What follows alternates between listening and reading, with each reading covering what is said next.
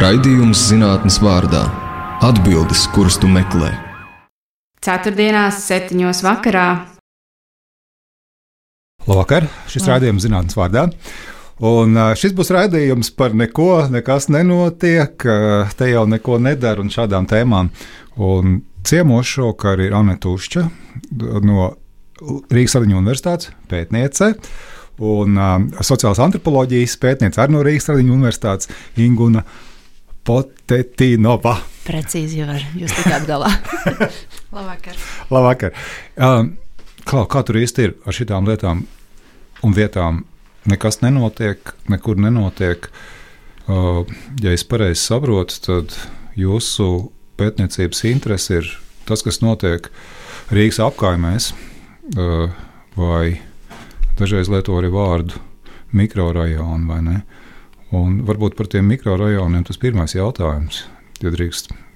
Un, un kāpēc tas vārds vispār ir ieviesies un kāpēc viņš tiek lietots? Jo man tas šķiet tāds ļoti dīvains vārds. Ja? Kas īsti ir mikrorajons? Man šķiet no sociālās antropoloģijas viedokļa tur vispār var izvērsties par šo jautājumu. Uh, tad droši vien es sākšu. Um, jo uh, jā, mans uh, pētījuma lauks bija uh, viens no Rīgas mikrorajoniem, Čengraks. Un uh, mans uh, pētījums ir par uh, tukšumu Čengragā. Un, ja mēs runājam par mikrorajoniem, tad pirmais, ko es arī varu pateikt, ir, nu, tas ir padomju mantojums. Arī tas vārds. Vārds, jā, mikrorajoni, spaļnī rajoni, -hmm. un attiecīgi tieši pašlaik apkaimes, kuras ir ieviesusi Rīgas doma un kuras Rīgas doma ieguldās, lai attīstītu šo konceptu, šo ideju, ieviest viņu dzīvē, tā būtu tā alternatīva, jo arī manā sarunās Rīgas domē ļoti skaidri arī viņi pasaka, ka uh, mikrorajoni tas ir padomju mantojums un apkaims ir uh, tas, uh, uz ko mēs ejam vai ko mēs mēģinām iedzīvināt pašlaik. Tas tiek arī tā nošķirts, nu, teiksim, sanāk kopā Rīgas doma un runā savā sēdēs. Šodien būs par mikrorajoniem un rīt par apkaimēm. Mums ir šodien par ķēngra, rīt par bieriņiem kaut kā tā. E, jā, Rīgas domas sēdēs neesmu bijis, bet es esmu runājis ar Rīgas domas cilvēkiem. Un, ja mēs paskatāmies Rīgas pilsētas plānošanas dokumentus, um, jāsāk ir ar iepriekšējām redakcijām, iepriekš spēkā esošajiem. Tad tur ir, tad vispār man interesē, no kurienes radās ideja par apkaimēm, un tur ir, mēs varam lasīt šo nošķīrumu, kad ir apkaimes, un ar to mēs saprotam to un to, un tad ir mikrorajoni, ar kuriem mēs saprotam padomu laikā būvētos, nekvalitīvos, pelēkos un bezpersoniskos. Un arī, um, tā, protams, ka Rīgas domai patiesībā ir šī ideja ir diezgan um, laba uh, par apkaimēm. Jautājums ir, kā viņa um, izpildās realitātē. Jo uh, pat neskatoties uz to, ka, ja mēs lasām uh, pašlaik spēkā esošos jaunos dokumentus, tad tur uh, lielākoties arī uh, jau vairs netiek lietots vārds mika, uh, mikrorajons, bet mēs runājam par apkaimēm. Bet tomēr, uh, tomēr uh, tas nekas, kad uh, dokumenti izskatās mums teiksim, tīri un, un smuki, šis nošķīrums joprojām pastāv. Un, uh, par to ir arī mans pētījums. Un to arī uzrāda mans pētījums, ka šim nošķīrumam kurš rajons pie kura pieder, kurš tiek klasificēts kā apkaime, vēsturiskā apkaime, un kurš tiek klasificēts kā mikrorajons, tātad padomju mantojums, ir ļoti liela nozīme arī tajā, kas tur notiek vai nenotiek. Tad vēsture nav tas, kas notiek starp nezinu, 45. un 91. Jā, jā nu, mēs jau antropologi sakām, ka vēstures patiesībā nav vēsture top tagadnē, un vēsture uh, top uz mūsu lūpām. Tas ir citāts. Un uh, es arī savā pētījumā to redzu, ka šīm vēstures interpretācijām ir milzīga nozīme, un mēs to redzam arī telpā, ko nozīmē uh, vienai telpai, kas tiek uh, klasificēta kā padomju, uh, ko tas nozīmē viņas attīstībā. Un, jā, un par to arī ir mans pētījums. Mēs pie tā atgriezīsimies. Hanna, kā tev šķiet par šīm lietām? Kas tas mikrorajons tāds ir?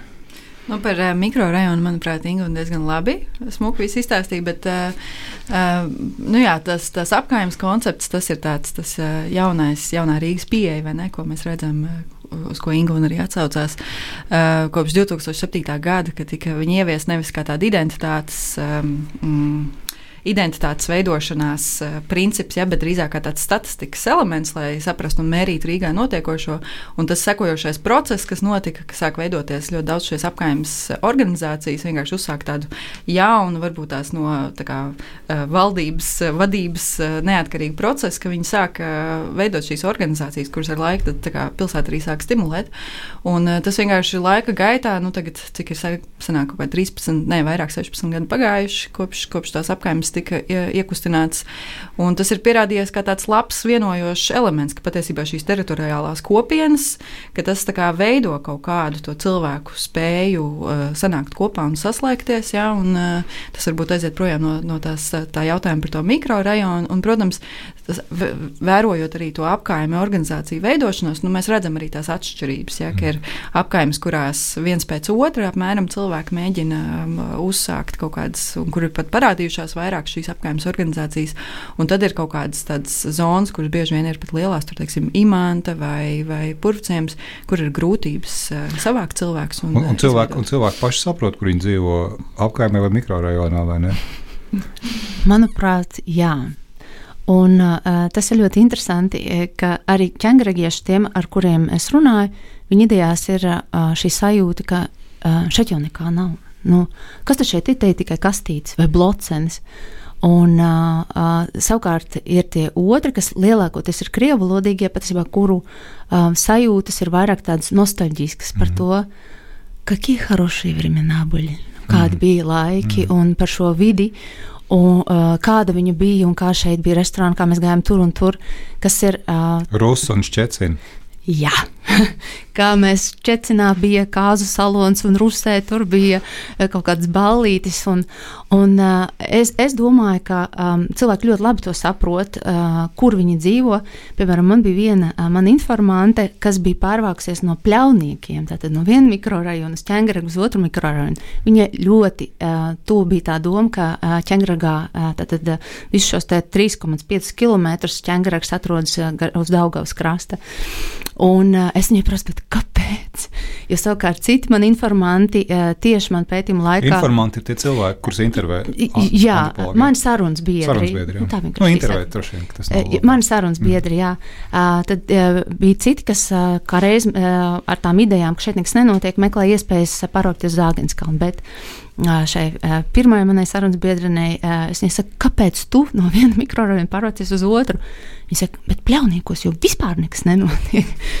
Un, uh, es domāju, ka cilvēki ļoti labi apzinās. Tieši tāpēc uh, ir šīs idejas par uh, visu laiku tiek salī, uh, visu laiku sarunās. Mēs, uh, nu, ir tāda salīdzināšanās, ka tur tajā Agens kalnā vai uh, tur vēl kaut kur meža parkā vai uh, tur un tur notiek jau viss kaut kas, piemēram, Čiekurkalnā vai Teikā, un tad ir tā sajūta, ka tajos mikrorajonos, nu, te jau vispār nekas nenotiek.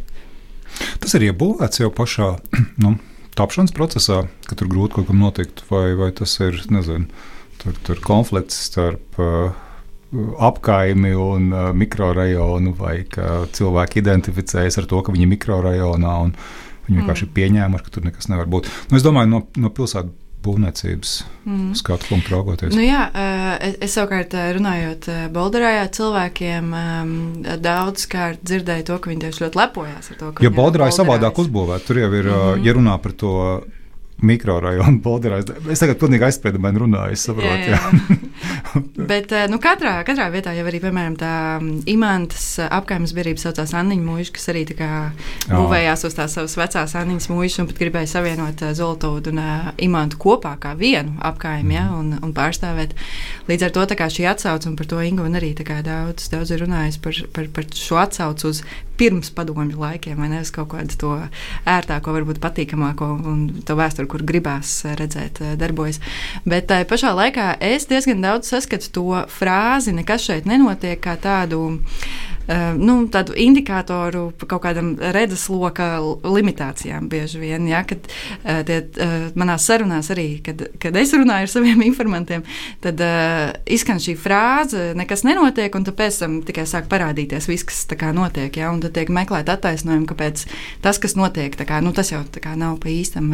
Tur saka, jā, nu, mums tur ir um, koncerti tur un tur, bet turieni jau neviens neiet, nu, tas jau nav pa īstam. Vai reku pēc uh, skolas bāles mēs sadiekam tiekamies ar draugiem un vienmēr ir baigi labie tusiņi, bet nu, tas jau arī tā kā nav pa īsam.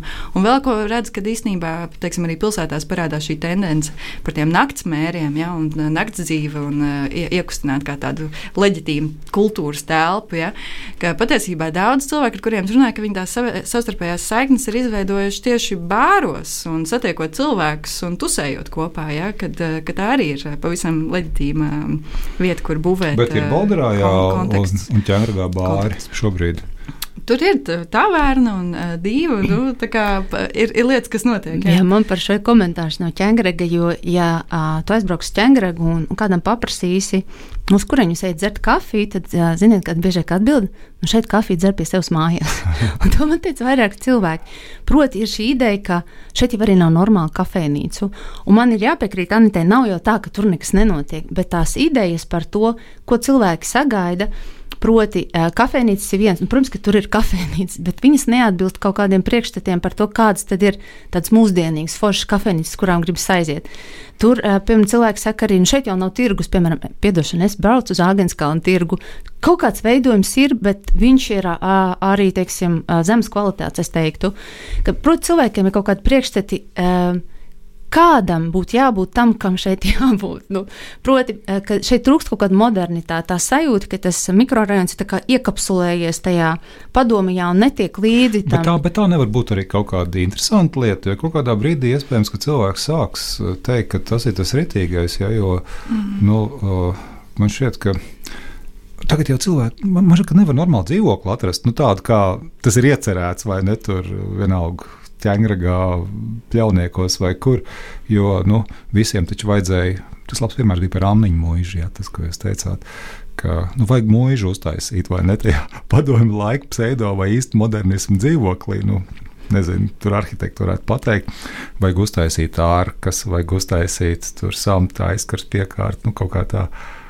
Bet, uh, nu, man, man liekas, ka tā estētika jau tieši tā arī mainās. Ka mēs paskatāmies uz kaut kādiem uh, lielajiem modes zīmoliem, kuri uh, imitē treniņu tērpus un estetizē un stilizē treniņu tērpus vai tirgus somas. Vai ne? nu, kaut kādā mērā arī tās uh, padomju laika pelēkās sniegā vienmēr nomāktās ēkas jau arī tas tāds fotografijā vai mākslā reprezentēt savādāk un meklēt jaunu identitāti tam visam. Piemēram, Tallinā vai arī tas pats teleskīvī rajons, kas nu jau ir tāds nu, nobražāts un nonēsāts Bet nu, tu jau vari veidot krāsainu to vidi, vai ne? Tev jau nevajag pakļauties tai esošajai perspektīvai, kā mēs to visu redzam. Un, bet tā otra problēma, es domāju, ko, ko tu bišķiņi arī atsaucies iepriekš par to, kā tās vidas ir uzbūvētas, nu, tā arī ir, ir noteikti lieta. Ja? Un to es arī uh, redzu, um, sarunājoties cilvēkiem, ka, piemēram, Čiekurkalnā ir daudz vienkāršāk, kur ir kaimiņi un mazas maz mhm. zabūs mājas. Mm -hmm jūs visi grābjat lapas, tīrat uh, ietves, vai ne? Un cilvēki viens otru daudz vieglāk iepazīst. Nu, Čekurkons ir salīdzinoši mazs, vai ne? Cik tur ir, vai ne? Arī. Garākā diagonāla būs, es nezinu, Jā. pusotras kilometrs, nu divi droši vien, bet Jā, vairāk bet, nebūs. Bet uh, daudz stāvēnēs bieži vien tiek dzirdēts tas, ka cilvēki pat saviem kaimiņiem nesasveicinās, vai ja tu mēģini sveicināties, tad kaimiņi no tevis sāk bēgt. nu, tā kā šie stāsti ir dzirdēti, bet tad atkal, vai ne, mēs redzam arī iekoptās puķu dobas pie daudz stāv mājām. Līdz ar to kaut kāds entuziasms individuālā līmenī kaut kur pastāv bet vai tam ir grūtāk nonākt līdz kaut kādam kolektīvam un, teiksim, eh, gribēties aprūpēt kaut kādas plašākas eh, teritorijas un darīt kaut ko kopā, tas ir eh, nu, tāds sarežģīts jautājums, jo tur ir arī tas, par ko mēs ar Ingūnu iepriekš esam runājuši. Nu, tur arī šie īpašumtiesību jautājumi, ne tās zaļās zonas starp bloķiem, viņas parasti ir sašķeltas starp privātajiem, publiskajiem. Neviens tur īsti neko nevar iekustināt, jo tur nu, viss ir krustu šķērsu, ja, un, un, un tāpēc arī bu, buksējas kaut kādas publiskās telpas attīstība. Man šeit vien ļoti, ļoti interesanta tēma ir par to nu, vides, tādā arhitektoniskā nozīmē un cilvēku uzvedības kaut kādu miedarbību. Bet šis raidījums prasa dažas muzikas pauzes, un tagad ir laiks pirmajai, un par to mēs pēc tam parunāsim. Šis ir raidījums zinātnes vārdā. Es esmu Ivars Alsters, un ciemos mums šovakar ir Aneta Ušče un Inguna Pot. Tetīnova no Rīgas Stradiņu Universitātes sociālās antropoloģijas pētnieces. Anita gan saka, ka viņa esot politikas zinātnes pētniece, bet tēma mums ir par to, kas notiek tā sauktajos mikrorajonos. Un sarunas sākumā mēs mēģinājām kontrastēt ar apkaimēm. Es es, es esmu abas vārdus iemācījies. Es mācījos šodien. bet, bet, ja, bet, ja bez jokiem, tad man īstenībā diezgan laiks pagāja, kamēr es iemācījos vārdu apkaimi. Tas ir, viņi zināja, es viņu sapratu, nu, es muļķojos, es viņu zināju jau dažas dienas iepriekš, jā, pirms raidījuma. Bet, bet nu, teiksim, ka, ka, ka to sāku lietot pirms gadiem, pieciem, sešiem, droši vien tā intensīvāk. Man no sākuma vienmēr bija drusku jāpadomā, kā tur īsti bija. Ne? Apkārtne, nē, kaut kā savādāk, apkaime. Bet mēs uh, solījām parunāt par to, kādā veidā tā pilsētas plānošana, arhitektūra uh, miedarbojas ar uh, cilvēku uzvedību. Jums tur arī ir ko teikt, es zinu. Jā, droši vien tad atkal jāskatās, mums tomēr ir vēsturē. Un uh, jāskatās uz to, uh, kā vispār šie mikrorajoni tika būvēti un ar kādu ideju. Uh, proti, kas tas vispār par laiku, tad ja nāk pie varas Hruščovs, uh, naudas nav, bet ir milzīga, visā padomju savienībā ir milzīga mājokļu jautājuma problēma. Cilvēkiem nav kur dzīvot. Un, tā kā Hruščovam ir kā, viens no uzdevumiem ir pārspļaut Staļinu, tad viņš izdomā šo saukli katram savu dzīvokli. Mm. Problēma ir tā, ka nav naudas tam. Un uh, ir arī atkušana periods, un uh, Hruščovs šo ideju uh, un partijas pārstāvi noskata patiesībā Francijā. Jo Francijā, uh, Francijā patiesībā šīs blokmājas, blokmāja ideja ir dzimusi. Un, uh, tā kā nav naudas, tad, uh, protams, viņi pieņem šo lēmumu, ka tur ir jābūt absolūti izrēķinātam un pragmatiski apdomātam katram kvadrātmetram. Un, uh, Tā kā arī Padomju Savienība ir tomēr vairāk par kolektīvo un publisko nekā par privātu īpašumu mm. un par individuālo, tad arī šie mikrorajoni tiek veidoti tā, ka dzīve šajās mazajās, mazajos dzīvoklīšos, nu, tāda dzīve, kā, um, ko mēs pašlaik saucam par tīklošanos vai sanākšanu kopā, viņa nemaz nav paredzēta tur. Eh, dzīvei Padomju Savienībā ir jānotiek ārā. Šajos, mm -hmm. Tas ir arī viens piemēram no uh, ķēniņa. Tāpēc, tāpēc bija tā sausainas, tās cepures un tā, lai ziemā varētu. lai siltāk. Bet nebija tikai ausains, bija arī uh, beņķīši, bija publiskā telpa, bija slidotavas, bija uh, sporta stieņi, bija infrastruktūra, lai cilvēkam uh, būtu uh, nu, patīkami, liederīgi uzturēties ārā. Tur bija jānotiek sarunām, tur bija jānotiek šai satikšanās uh, vietai. Un tas ir tas, ko Anita pirms tam teica, ka pašlaik uh, cilvēki ir iedzīti iekšā uh, šajos uh, dzīvoklīšos, un viens pat otru kāpņu telpā nesveicina, jo um, pēc būtības. Um, Viņiem bija jāsatiekās ārā. Bet, bet, bet viņi to darīja. Jo, jo teiksim, es esmu par jaunu, lai atcerētos, jā, nu, Es, es, nu. es arī padomju savienībā dzīvoju tikai desmit gadus.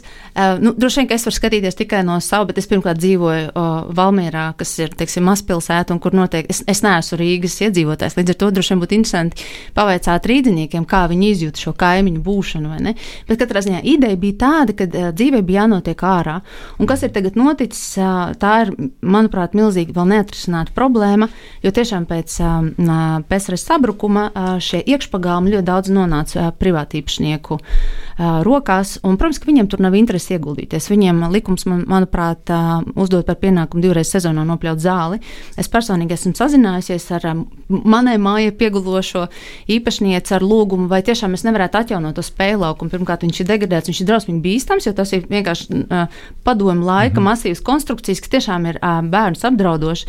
Viņa teica, bet lūdzu, ņemiet, jo viņi tāpat neko ar to nevar pasākt. Bet savukārt Rīgas doma pasaka ļoti Uh, nu tā, krāsi, ka mēs tur neko nedarīsim. Tas ir privāti īpašums.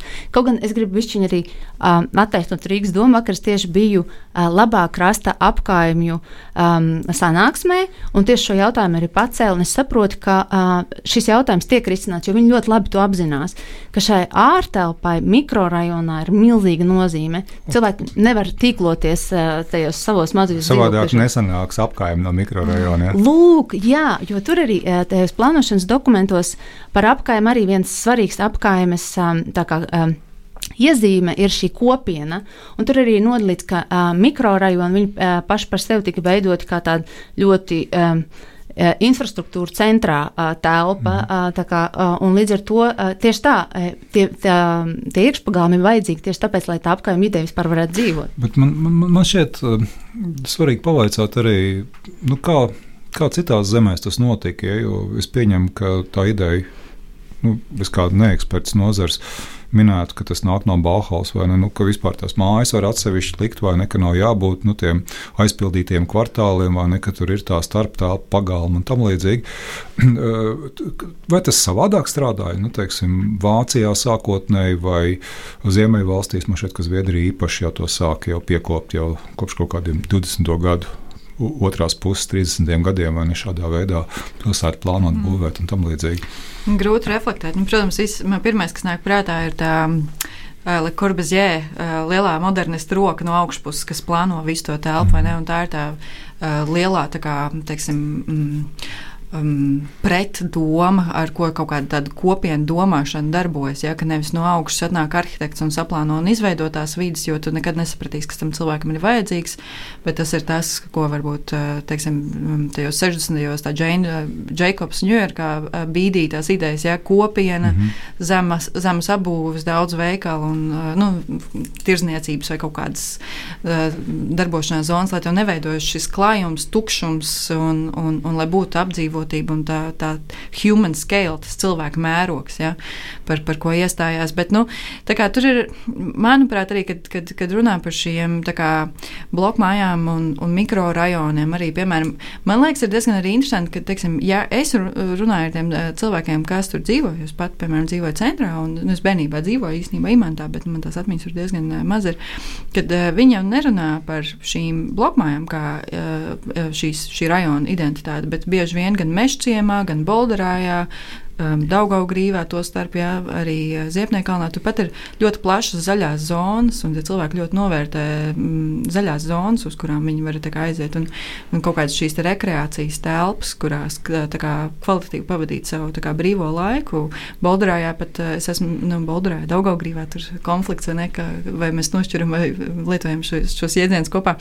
Uh, cilvēki bet, to sauc par kurortu apkārt. Bet tas eks-militārais, eks, uh, nu, kur ir tās tās mājas bija šķiet savādākas. Tāda, tā ir Balderāja vai Daugaugrības? Nekad nes. Uh, nu, Tagad es Daugaugrības sākas uh, pārbraucot pāri Buļupei. Oh, uh, tās skaidrs. militārās zonas mm -hmm. ir, uh, es domāju, tu domā tās, kas ir Daugaugrībā cietoksnis. Nu, laikam, jā, cietokšņa pusē. Jā, jā. jā. Nu, tā kā principā mm -hmm. Buļupei pārbraucot pāri, tu sākās Daugaugrība un tā. Un līdz ar to tas arī ir tāds interesants jautājums, vai ne, kā cilvēks no ārpuses skatās uz šiem rajoniem, ko viņi redz un kā, kā cilvēki paši tās lietas redz no iekšpuses. Jo, jo īstenībā tā bija jābūt kaut kādai nu, pašai žargonā sakot, ekskluzīvākai Rīgas vietai, gandrīz vai ne?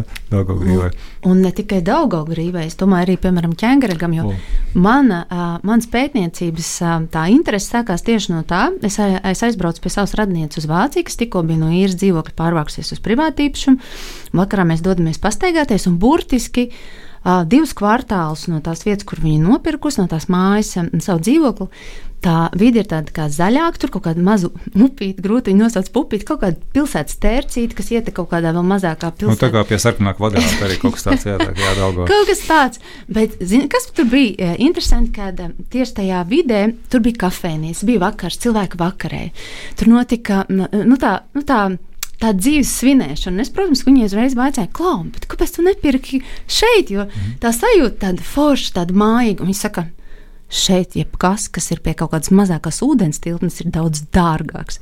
Un tas bija mans pirmais tāds zvaniņš, ka es, es nevaru saprast, kāpēc tas ķēngaraks vai Daugaugrīva vai Bolderā vai vēl šie mikrorajoni, kāpēc šī milzīgā priekšrocība neļauj viņiem pacelties tiem augstākiem plauktiem, jo pēc tiem Eiropas standartiem ne, viņam vajadzētu būt ekskluzīvākam, pieprasītākam, dārgākam.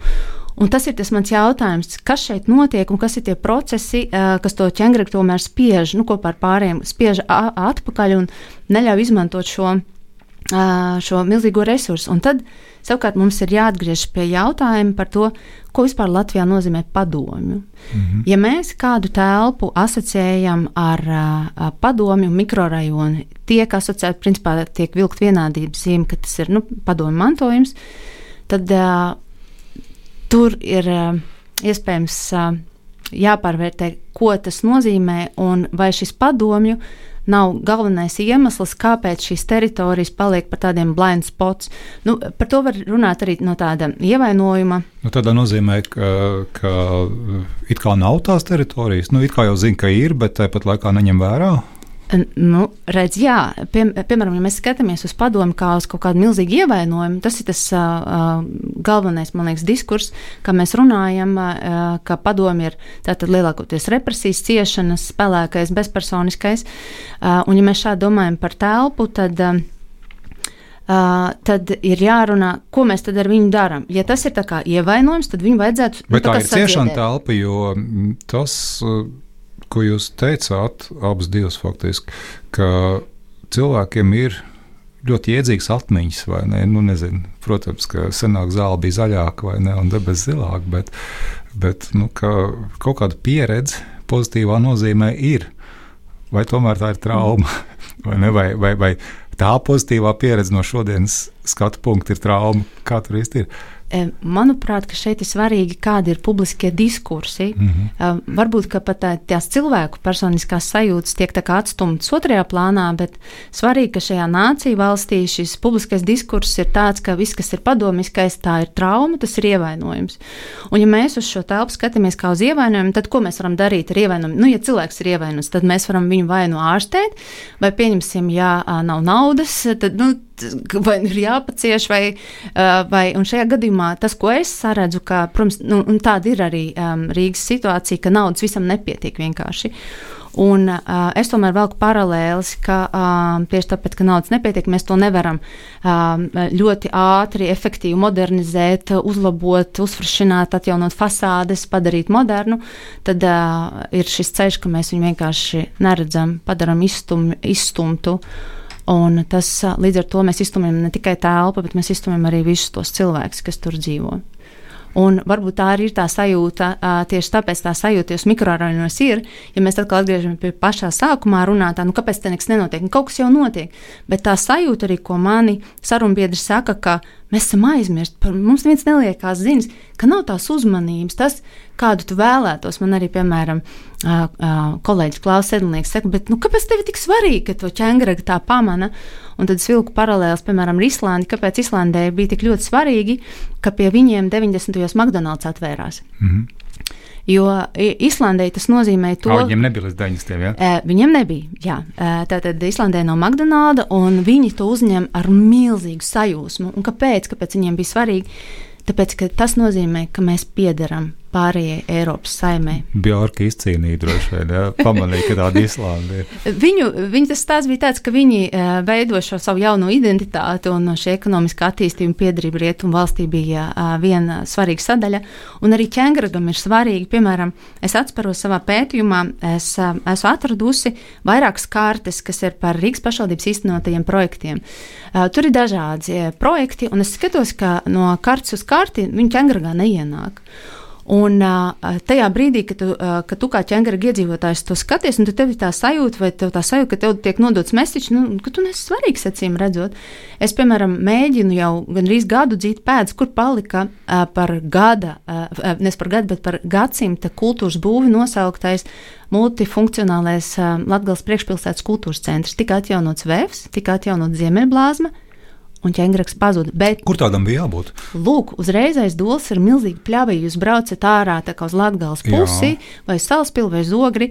Uh, uzreiz aiz dolas ir uh, kreisajā pusē milzīga pļava. Par laimi, šī pļava joprojām uh, ir iezīmēta pilsētplānošanas dokumentos, kā šeit varētu būt kultūras centrs, bet uh, aiz tā uzreiz seko piebilde, nu, bet tas ir politisks lēmums. Bet kā cilvēks to skatītos, tas ir, jo, tas ir interesanti, jo Tallinā laikam tagad uzcēla to mūsdienu mākslas muzeju, nu tādā, kā mēs šodien te sakām, mikrorajonā, jeb apkaimē, kas ir uh, tapos padomju laikā. Cilvēki pieņem, skatās. Es tagad savus aizspriedumus jums spēru laukā. Tu domā, tajā uh, las, las, las? Ja, laikam, jā, es tur mm. nosaukumu neesmu iemācījies. Tā, tāda violeta māja. Mm. Man liekas, ka tā ir diezgan progresīva apkaime. Mēs ar viņiem esam strādājuši ar Urbāno institūtu, un viņi diezgan daudz kaut ko ir darījuši. Arī, piemēram, tas um, pilsētu dārzu projekts īstenībā viņi, viņiem ļoti spēcīgs bijis, un viņi ļoti aktīvi tur beig daudz aktīvisti, kas kā, strādā ar, ar tā rajona tā kā, identitātes mainīšanu un cilvēku vešanu kopā. Jā, es nezinu, man gribētu domāt, ka tas strādā. Kāpēc ne? Jo mēs jau to redzam, tās, tās tendences, kad iet iekšā kaut kādās mazāk apgūtās zonās, teritorijās, to mēs arī redzam nu, Rīgā kaut kādā mērā, vai ne? Tas pats Kaspars Grošovs ar 427, kas pārkāpa pāri šām sliedēm Dzelzceļam. un dzelzceļam, ja, un iegāja bīstamajā, baisajā maskačkā ar savu galeriju. Ja. Uh, nu, tu, jau redzi, nu, ka mākslinieki transformē. Nu, caur, caur mākslu tu principā arī vari transformēt kaut kādas ir vai nu par laimi, vai diemžēl zuduši. Ja, ka tagad, Bet, ja mēs skatāmies uz lastādiju, piemēram, mm. uh, Andrejos, tad tiklīdz kā tur sākās dzīvība, un tā ir tiešām tāda mana naivā cerība. ka ķēngragā ieviesīsies Es ļoti vēlos, lai top vispirms šis kultūras centrs, kurš bija tādā stadijā, ka viss jau bija izkonkursēts, bija tikai jāsāk būvēt. Tad man ir jautājums, kur palika šī nauda un kāpēc viņi pēkšņi tika atvilkt no šejienes. Un es tiešām ceru uz to, ka caur māksliniekiem mēs varētu Jo, šo jo, jo, jo tā vieta jau, ja mēs runājam, teiksim, kā to pareizi sauc, promenāde, laikam, jā, vai Jā. kā tāds smalks nosaukums, jau Jelgavas labais krasts, Jēngragā, vieta jau brīnišķīga. Absolūti. Tas ir, eh, tas ir um, arī cilvēks sarunās, eh, um, tad, kad es runāju, piemēram, ar mūsu biedrību, un es viņiem arī uzdodu jautājumu, kur palika mūsu kultūras centrs, tad viņi saka, kāds kultūras centrs? Mūsu kultūras centrs ir promenāde. Un, un tiešām es varu teikt, ka šī promenāde ir neapgūta, un tas ir atkal jautājums. Tur bija plānoti, ik pa laikam, ja paskatās, elementāri var iegūglēt, bija plānoti gan upstrāmvaini, gan pontonu kafejnīcas, attīstīt šo rekreācijas zonu. Tas viss ir izčabējis, un es nevaru saprast, Braukt ar kāpēc. ledus galbliem uz Dolas salu vai kaut kādā. Tas ir bīstami, var, bet uh, braukt ar tramvajiņu uh, no ķēngaraga, man liekas, tā ideja bija no ķēngaraga līdz centram varētu kursēt šāds tramvajiņš. Nu, labi, lai viņš kursē arī uz domu, man tā nav žēl. Bet katrā ziņā bija šie plāni iedzīvināt, un viņi visi ir pazuduši. Viņi visi tiek kaut kur. Um, jā, kas ar viņiem Bet, notiek? bet, bet tur nav arī kaut kāda, lai tas skumji nebūtu etniskā dimensija tajā visā, jo, um, nu, teiksim, varētu būt, es mīnu, jā, ka um, Ušako laikā uh, varbūt pievērst drusku lielāku uzmanību nekā šobrīd. Nu, Bet- ņemot vērā, kas ir tas, nezinu, vai reālais, bet noteikti vismaz iedomātais elektorāts. Iedomāties. Mm. Nē, nu, par to arī Ingūna ir vai ne lielā mērā tavs, tavs pētījums, bet tajā pašā laikā mēs redzam it kā arī to tendenci nu, ar šo apkaimu jēdzienu, vai ne, ka tā kā tiek mēģināts darīt aizvien vairāk kaut kas apkaimēs. Tur, teiksim, Rīgas pilsētas svētki decentralizējas un ieiet apkaimēs, ja, un, un arī tagad Ziemassvētkos gaismiņas tiek sakarināts ne tikai Rīgas centrā, bet arī uh, apkaimēs. Ja? Un, eh, bet eh, tā problēma, par ko tur atdurās, ka, protams, ir šī lēmuma pieņemšana, nu, kurās apkaimēs. Un jau nu, mums ir izdalīts tās 57 vai 58 apkaimes. Nu, protams, ka tu līdzvērtīgi spēcīgus spēs, spēkus un enerģiju nevar visur ielaist iekšā, ka tas vienmēr kaut kur koncentrēsies.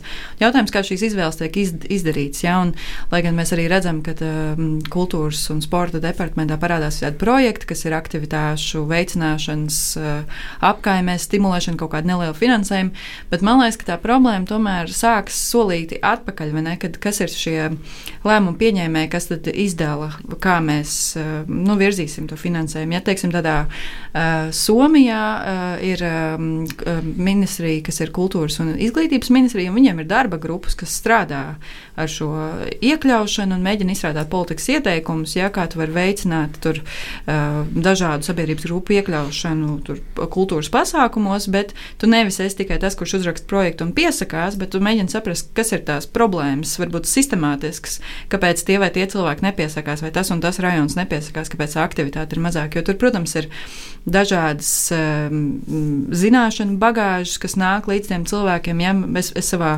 pētījumā skatos uz Meža parku un Bolderā, tās tā, divas apgājumas, kurās ir senākās apgājuma organizācijas.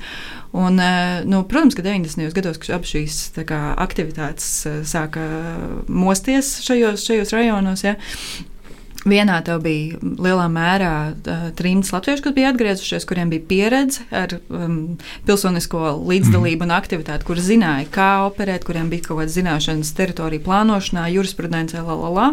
Un uh, otrā pusē bija bolderājieši, kur arī viņi spēja mobilizēties un iestāties pret, bet uh, nu, tās ir pilnīgi tādas atšķirīgas uh, formas, kādās, kā, kādās izveidojās šīs kā, apkaimes biedrības katrā no tiem, tiem centriem. Tā kā tās zināšanas ir um, un tā iepriekšējā sagatavotība reaģēt uz tām sistēmas prasībām, kā pieteikties finansējumu vai veidot to kultūras klāstu apkaimēs, tas ir, tas ir ļoti būtisks jautājums. Jā, es gribēju piebilst vienu lietu, arī ka mans pētījums uzrāda, ka šis tukšums radās arī no tādas struktūrālās vardarbības. Ja mēs lietojam Johanu Galtungu, es nezinu, var. Nē, es ne, bet tas izklausās. Um, Interesanti, struktūrālā varbūt, of, varbūtība. varbūtība, nē, bet vardarbība. Jā, proti, tas patiesībā tas uh, ir daudz vienkāršāk. Proti, struktūrālā vardarbība ir tas, ka kaut kādās struktūrās, tajās kā lietas strādā, uh, viņi strādā tā, lai uh, izstumtu, lai formalizētu, mm. lai marginalizētu, lai neļautu uh, noteiktai cilvēku grupai piedzīvot savu identitāti. Un, uh, to es arī uh, ķēngaragā novēroju, jo, piemēram, tiešām tur tiek lietots tāds uh, laika apzīmējums, ir Ušakova laiks, un tad ir staķa laiks. Jā. Un, proti, ka, bet es domāju, ka es savukārt to tā nelietotu, varbūt, un es teiktu, ka bija laiks, kad bija izpildu direkcijas, un ir laiks, kad ir šie apgājumi koordinācijas centri. Proti, tad šis sentiments par izpildu direkcijām, viņš ir tāpēc, ka tur bija savādākas attiecības. Mm. Cilvēki man aktīvisti stāsta, ka mums piezvanīja, teica, ka pašlaik ir tāds finansējums pieejams, rakstiet projektu augšā, tad pašlaik ir tā nu, kaut kur atsūta ēpastu, kaut kur sameklē, un ka šī komunikācija ir krasi mainījusies. Un tad ir jautājums. Šajā situācijā, um, tā kā Anita jau ieskicēja, ka tomēr ir apgājums, kurās joprojām viss notiek. Mhm. Un uh, tad ir jautājums, kā viņi pie šīs informācijas tiek, uh, kā viņi izsako um, uh, projektu izziņošanai, projektu nodošanai. Un uh, tas, ko mēs pie, pieskārāmies uh, tam jaunajam Rīgas domas sastāvam, tomēr Es uzskatu, ka ir no svāra, jo, ja mēs paskatāmies, kas uzvarēja progresīvos, lielā mērā veido apgājumu aktīvisti. Tātad šie cilvēki, ne, es negribu neko pārmest, ka kāds kaut ko apiet, bet viņi ir vienkārši tuvāk informācijai. Un, ja šis komunikācijas modelis ir mainījies kopā ar, ar, ar izpildirekciju likvidēšanu, apkaimi šo koordinācijas centru izveidošanu, tad cieši tie, kas ir tā tālāk, perifērijā. No nu, acīm redzot, ķēngaraga apkaimes aktīvisti netika domē, un viņi arī šo informāciju nesaņem. Un līdz ar to tas rezultēs, un es pieņemu, ka varbūt arī pļaunieki un vēl citi mikrorajoni, vai mēs, nezinu, vai mēs sakam, nu, vai mēs atsperamies uz to etnisko vai neatsperamies, bet katrā ziņā e, ir, e, cilvēki runā par to, ka pie mums vienkārši neatnāk informācija. Mēs tiekam tā kā viss notiek tā kā formāli, un tā ir viena no struktūrālās vardarbības formām. Jums jau bija arī vienā intervijā, ko es pirms raidījuma lasīju, jūs e, atsaucāties arī uz to kultūras patēriņu pētījumu. Ka uh, cilvēki, kuri nav etniskie latvieši, saka, ka Rīgā nekas nenotiek. Lai gan e, es pieņemu, ka noteikti būs e, grupas, kuras teiks, noteikti tik daudz, ka viss nevar paspēt. Ne? E, un, un šito var kaut kā iekustināt arī nu, no apgājuma skatu punktu raugoties. Es tagad mm -hmm. speciāli nelietoju vārdu mikrorajons. Es tā kā, nu, ķēngraks vairs nav mikrorajons, apgājums. Mēs dodamies, jā. jā. jā. Mm, nu, vai pastāstīt, lai labāk to savu jautājumu? Kā... Nē, nu, es domāju, nu, es, es pieņemu, ka tur ir arī kaut kāda sakarība, kaut kāda korelācija, ja, ka noteiktos Rīgas rajonos dzīvojošie saka, ka nekas nenotiek. Ja. Lai gan, ja mēs skatāmies Rīgas mērogā, nu, ritīgi daudz notiek. Nu, īpaši man šeit tagad pēdējo kaut kādu pusotru gadu laikā, ja, kad cilvēki pēc, pēc Covid izslāpuši, ja, ir, ir milzīgi daudz visādi koncertu, teātris, izrādes, nu, visādi vēl citu pasākumu. Ja, tur tur viss vis nevar paspēt. Ja tiešām interesē, vai ne? Nu, mm. Tādā ku, ku, kultūras ziņā, vai ne? Bet acīm redzot, nu, es nedomāju, ka tie cilvēki melo. Ja, nu, viņi, viņi uztver, ka nekas nav, mm. nekas nenotiek. Nu, tur ir tādas divas lietas, piemēram, ar, ar, ar kurām es saskaros. Viens ir tas, ka nu, jā, jautājums ir, teiksim, ka, cik lielā mērā tu pats esi iegremdējies kaut kādās kultūras aktivitātēs. Ja es esmu vienā un tā pašā rajonā runājis ar vairākiem cilvēkiem, kur uh, vienā sarunā man cilvēks skaita pēc kārtas visus koncertus, uh, visas kultūras institūcijas, tostarp arī baznīcas, kas organizē visādus pasākumus, ja, ko tik tad nevar apmeklēt, un ka pie mums te viss kaut kas ir. Un tas nākošo cilvēku cilvēki, kurš saka, nu, pie mums tā nekā nav. Um, nu, un, un, un tad tā pašā laikā arī šie kultūras cilvēki var paskatīties uz savu kaimiņu un pateikt, bet viņus, viņus jau kultūra neinteresē. Ja viņš tur klausās kaut kādu savu lēto popmūziku, nu, bet tā jau nav kultūra. Ja? Bet, bet, bet, tur, bet tur kā ir vieta arī, lai kaut kas rastos. Ja? Es zinu, ka Jānis Daugaviets ir pētījis. Uh, par to, kas 80. gados notika, laikam pareizā terminoloģija būtu teikt, Dogogrīvā. Uh, tur, tur tāda uh, punk scēna bija, ja, uh, etnisko krievu, ļoti interesanta muzika, tāda, kas, kas radās nu, pilnīgs nekurienes viducī. Ne? Mm. Nu, un tā pašā Daugaugrīvā jau ir arī nu, Daugaugrības cietoksnis, kurš tiek aktīvi darbināts. Jā, Bolderājas grupa tur aktīvi darbojas.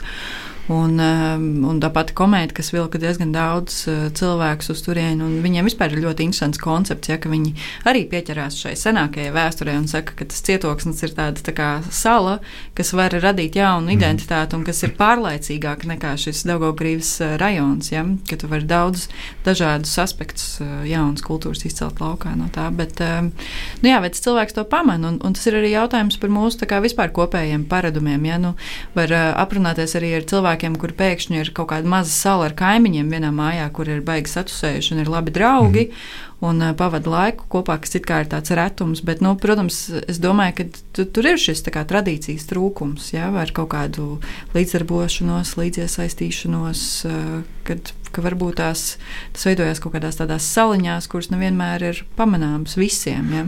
Bet, bet, bet bija tā, ka līdz šim tas kultūras patēriņš varbūt vairāk nāca nu, piemēram, no Krievijas puses, ja nu, kaut kā tika piepildīts tas trauks. Es, es vienkārši saku tādus uh, stereotipus, bet nu, reizēm jau stereotipos ir arī kaut kāds patiesības grauds. Tu domā tajos mikrorajonos? Nu, tajos mikrorajonos, jā. Nu, es, es neteiktu, ka tur uh, varēja manīt kāds Krievijas mākslinieks, bet tas bija kultūras ministrijas viens no argumentiem, mm -hmm. kāpēc uh, Rīgas uh, krievulodīgajiem, uh, kāpēc viņi uh, kā, negatīvāk vērtē šo kultūras dzīvi. Tas bija viens no argumentiem, kad bija pandēmija, tagad ir robežas oh, cieta. Tā nav. Jā. Uh, nu, tas ir viņu arguments, kā viņi to skaidro. Uh, un tad, protams, uzreiz ir tas jautājums, bet halo, kā, uh, ko tad Latvija piedāvā saviem Latvijas iedzīvotājiem, kas ir krievulodīgi? atbildīgie tad aiztaisās robežas eh, un, eh, un pēkšņi ir iestājies tukšums.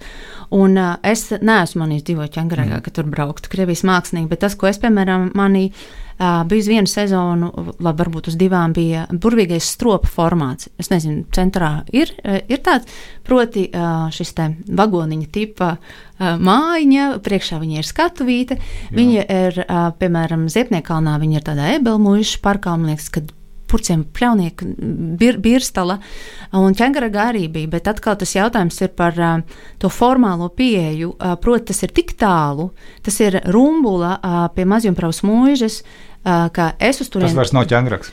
To viennozīmīgi tev viss ķēngrāgā pateiks, ka tas nav ķēngrāks. Un, piemēram, arī um, par Rīgas svētkiem domājot, jo man arī Rīgas domē saka, nu, bet klaunu, paskaties taču, ne? Uh, šovasar taču bija, es viņai saku, bet kur tad viņš bija? Atkal mēs runājam par šo formālo pieeju mēs uzliekam uz plakāta. Uz plakāta tur bija uzrakstīts prieka mirkļi ķēngaragā, bet realitātē arī seniori saka, nu mēs uz turieni nevaram tikt, tas ir pat tālu. Es uz turieni dodos ar mašīnu, tā kā es tiešām arī aizbraucu, jo man interesē, kas tur notiek. Tad uh, mašīnas stāvoklis bija pilns, un es saskaitīju sešus riteņus. Proti, jautājums ir, kā cilvēkiem tur vispār nokļūt, ja jūs tādu rīkojat. Un tas tomēr ir par to formālo pieeju. Ja arī man ļoti, protams, bagātina arī to manu skatījumu, anets pētījums. Nu, mēs it kā atsperamies katrs savu, savu jautājumu, bet vienā brīdī sak, krustojamies. Un tā Anētas doma par to, ka cilvēki vienkārši kaut ko pamana vai nepamana, bet manuprāt, tas ķēngaraga tas teiciens, ka te nekas nenotiek, ir tieši par to uzmanības trūkumu no pašvaldības. Tātad stropu mums arī vairāk nav. Cilvēki arī reflektē, piemēram, par sporta aktivitātēm. Kāpēc citur ir nūjošana? Kāpēc gar mūsu brīnišķīgo promenādi 4 km garumā, kāpēc šīs nodarbības nenotiek? Ka, tomēr tas ir nevis par to, ka viņi kaut ko nepamanītu, bet ka ir acīm redzot pakalpojumi, kas vienkārši ir aizpeld, nu, kā, aizplūduši prom no šīs, no šīs apgājuma mikrorajona. Runājot vēl par to pētījumu, patēriņa un līdzdalības pētījumus, ja tur ir, protams, tu vari salīdzināt to 18. un 20. gada datus, un nu, ir kritums tajās, tajā līdzdalībā. Ja?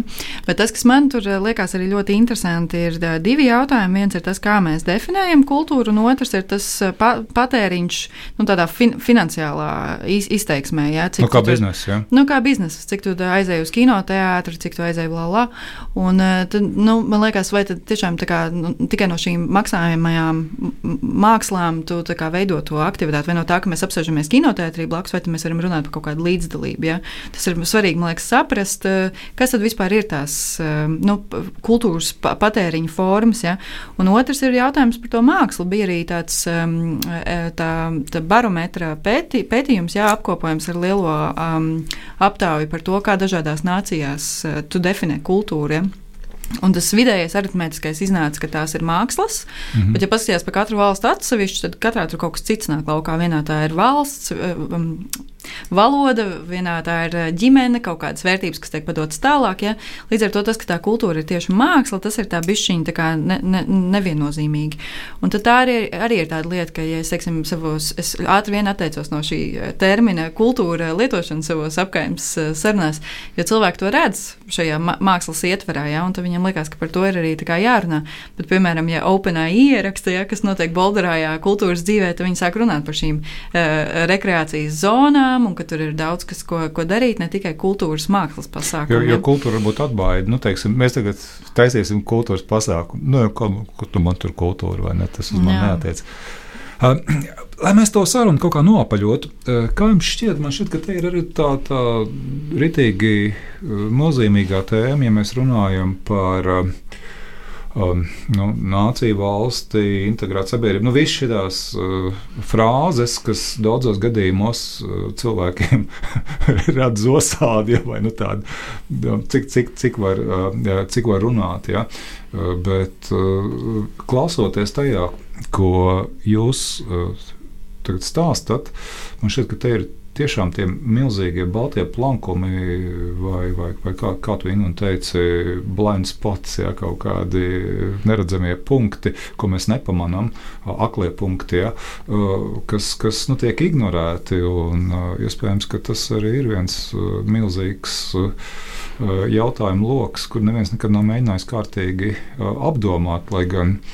Es tagad, kā es sapratu no tā, ko jūs stāstāt, ka īstenībā tie ieguldījumi var nebūtu milzīgi lieli, ja, salīdzinoši maz izdarot, var ārkārtīgi daudz panākt. Es jau visus pareizi sapratu. Bet...